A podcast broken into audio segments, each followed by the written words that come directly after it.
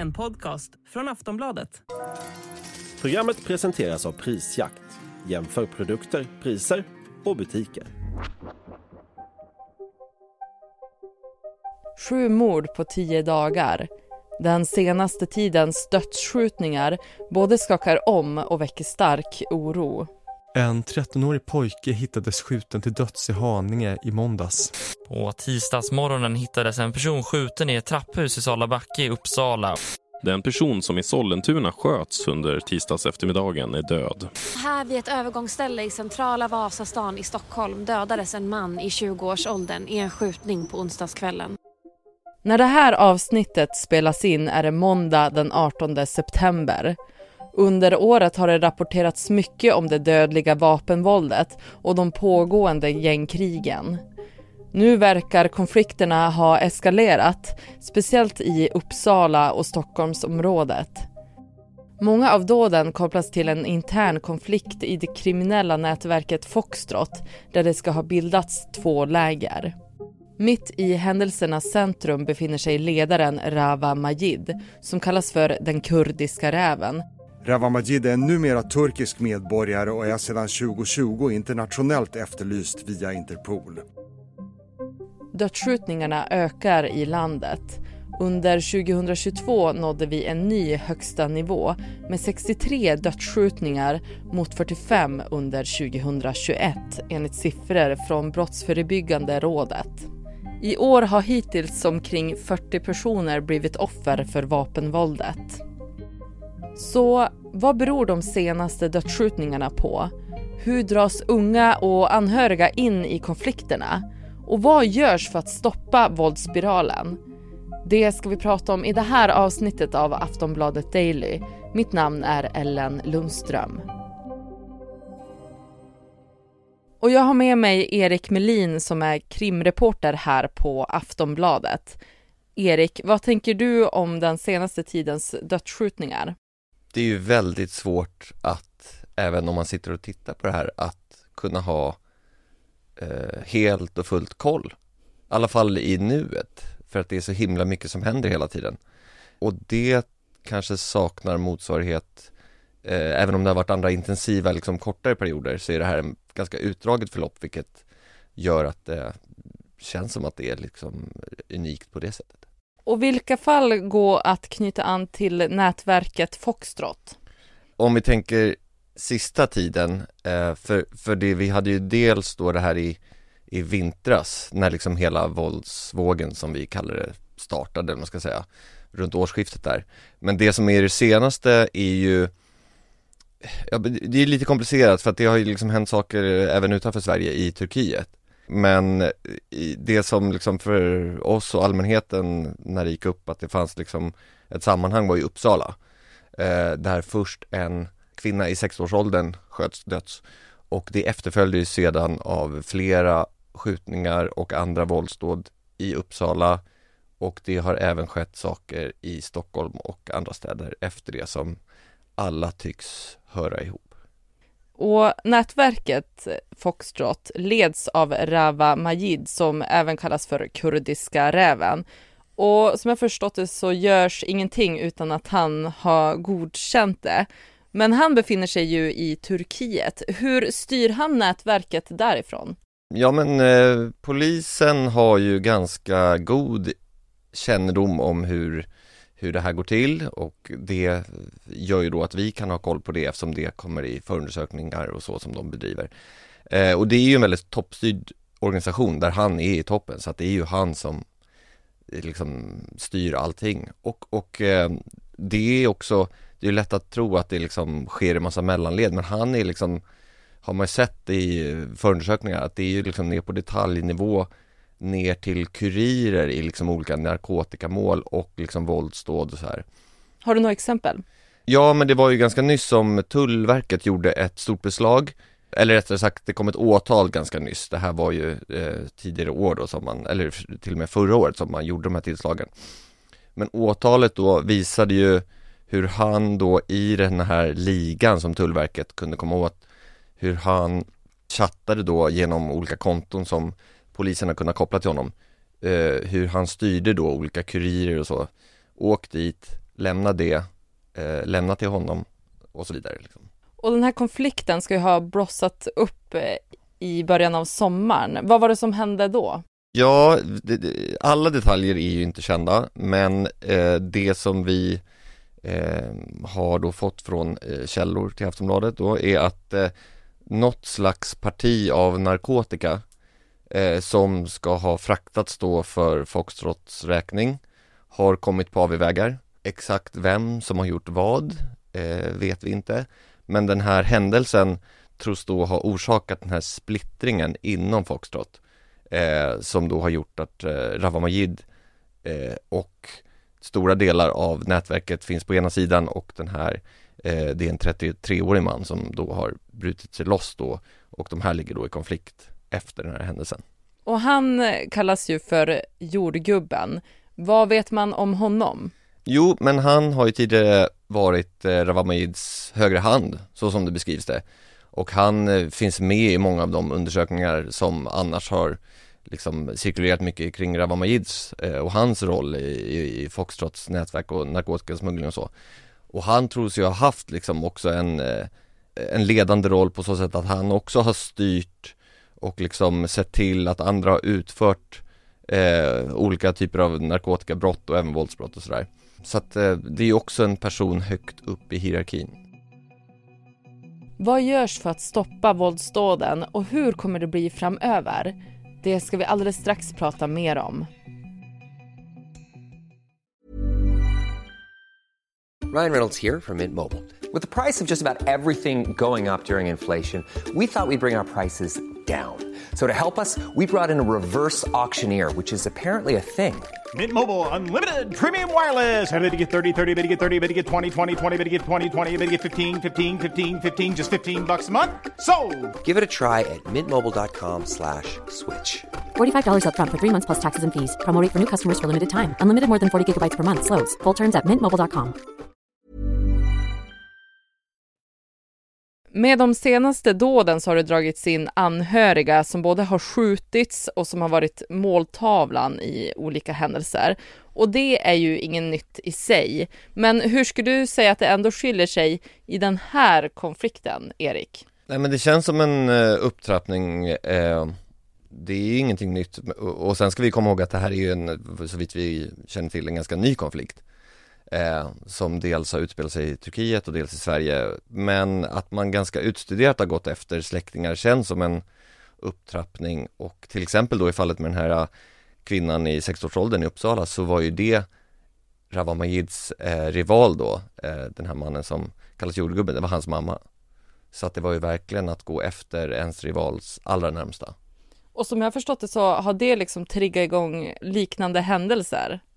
Ja, nej men man har ju gått efter eh, anhöriga på båda sidor. Ganska utstuderat så, till exempel eh, Rawa Majids eh, svärmor. Eh, Hon var inte hemma vid tillfället eh, så att det, det, hon, hon klarade sig där men det avlossades, avlossades skott vid hennes adress.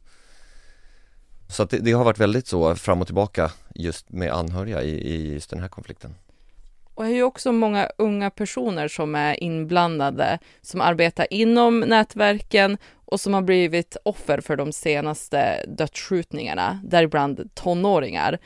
Kan du berätta mer om orsakerna bakom det? Orsaken är ju att det är många tonåringar som eh, har dragits in i nätverksmiljön och det, det, har varit både utstuderad som en taktik från nätverken eh, men också som en kollega till oss har eh, ganska nyligen, eh, som var ute i, eh, i Jordbro och pratade med polisen där, att det finns också många unga som söker sig till nätverken. Eh, och, och det gör man ju för att de visar upp någon slags bild av ett flärdfullt liv och en snabb väg till rikedom och så vidare. För det känns som väldigt unga som nu är en del av det? Ja, alltså vi har ju sett eh, så unga som 13-åringar och polisen pratar ju om ännu yngre. Alltså jag tror nu senast att det har pratats om insatser där man behöver titta mot förskolan. Att det, att det kan liksom nämnas redan i den åldern så att, att man har koll på de här olika nätverken till exempel. Och det är svårt att greppa att det är förskolan som de behöver gå till gällande det här. Ja, och det ska, det ska ju såklart inte förstås som att eh, gängen rekryterar på förskolan, för så är det ju inte.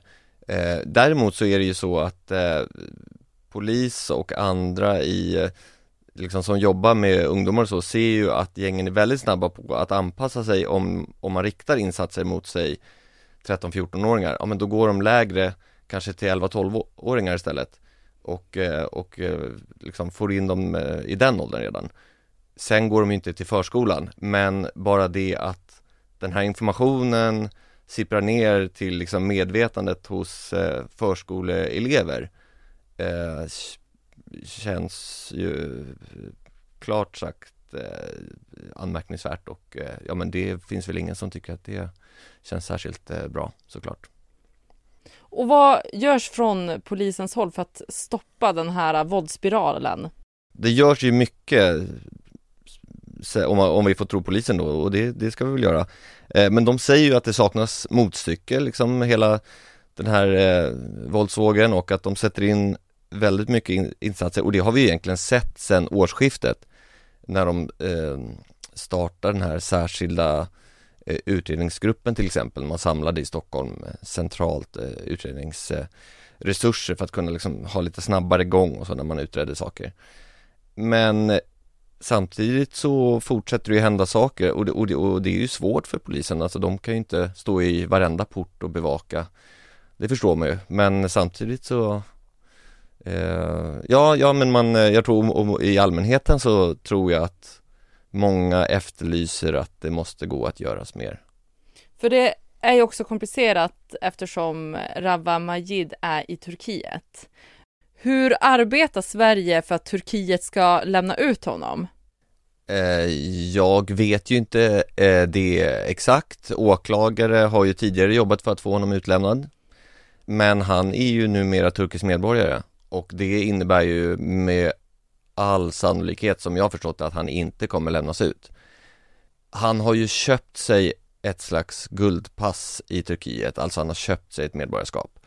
Vår kollega Oisin Cantwell har ju skrivit om detta, att eh, detta kan man göra och om man då lämnar ut en sån person som har gjort det så urvattnar man ju lite liksom det guldskimret kring hela det medborgarskapet. För det finns andra brottslingar i, eh, i Turkiet som också har sökt sig dit och köpt eh, samma typ då av medborgarskap. Så att jag tror att det är knepigt och samtidigt Jag pratade med tidigare ambassadören till eh, Turkiet, Mikael Salin här nyligen och han sa ju det att om Turkiet liksom ens ska vara i närheten att gå med på att lämna ut Ravamid, ja vad behöver Sverige då göra? Då kanske vi behöver lämna ut våra svenska medborgare som Turkiet vill få utlämnade som de ju, liksom, det finns ju önskemål om detta. Eh, så att det, jag tror att det, det ska man kanske inte fästa allt för mycket hopp vid. Men finns det något sätt som gör att han kan ställas inför rätta?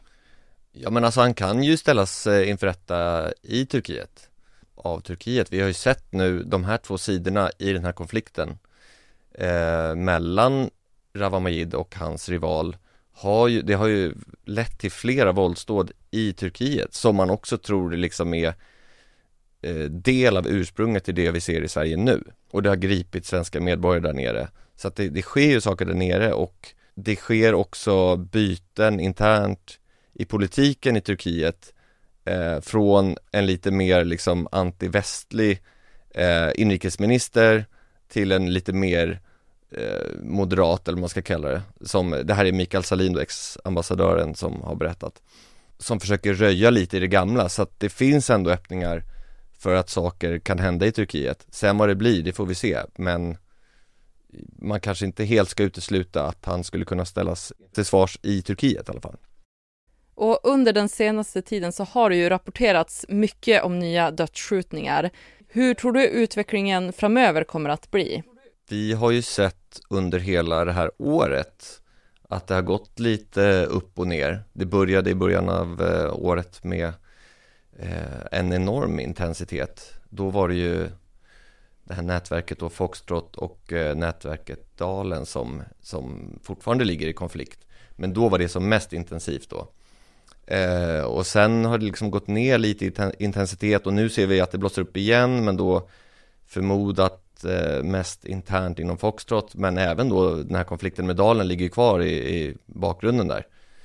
Så att jag tror att vi får vänja oss vid att det kanske inte med den här intensiteten hela tiden men att det går lite upp och ner och blossar liksom till ibland för att det här är ju eh, miljöer och nätverk som uppenbarligen har nära till att ta till våld för att lösa sina konflikter. Jag har svårt att smälta att det har varit sju mord på tio dagar. Ja, det känns som att det saknar motstycke. Det är så... Det är svårt att hålla reda på allting för att det händer så otroligt mycket hela tiden just nu. Både för allmänhet, polis och även för oss som jobbar med det här. Det säger Erik Melin, krimreporter på Aftonbladet. Du har lyssnat på Aftonbladet Daily med mig, Ellen Lundström.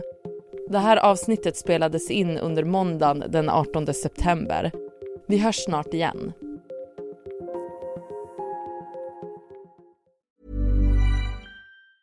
Tired of ads barging into your favorite news podcasts? Good news. Ad-free listening is available on Amazon Music for all the music plus top podcasts included with your Prime membership. Stay up to date on everything newsworthy by downloading the Amazon Music app for free or go to amazon.com slash news ad free. That's amazon.com slash news ad free to catch up on the latest episodes without the ads. Du har lyssnat på en podcast från Aftonbladet. Ansvarig utgivare är Lena K Samuelsson. Tired of ads barging into your favorite news podcasts? Good news. Ad-free listening is available on Amazon Music for all the music plus top podcasts included with your Prime membership. Stay up to date on everything newsworthy by downloading the Amazon Music app for free or go to amazon.com slash news ad free. That's amazon.com slash news ad free to catch up on the latest episodes without the ads.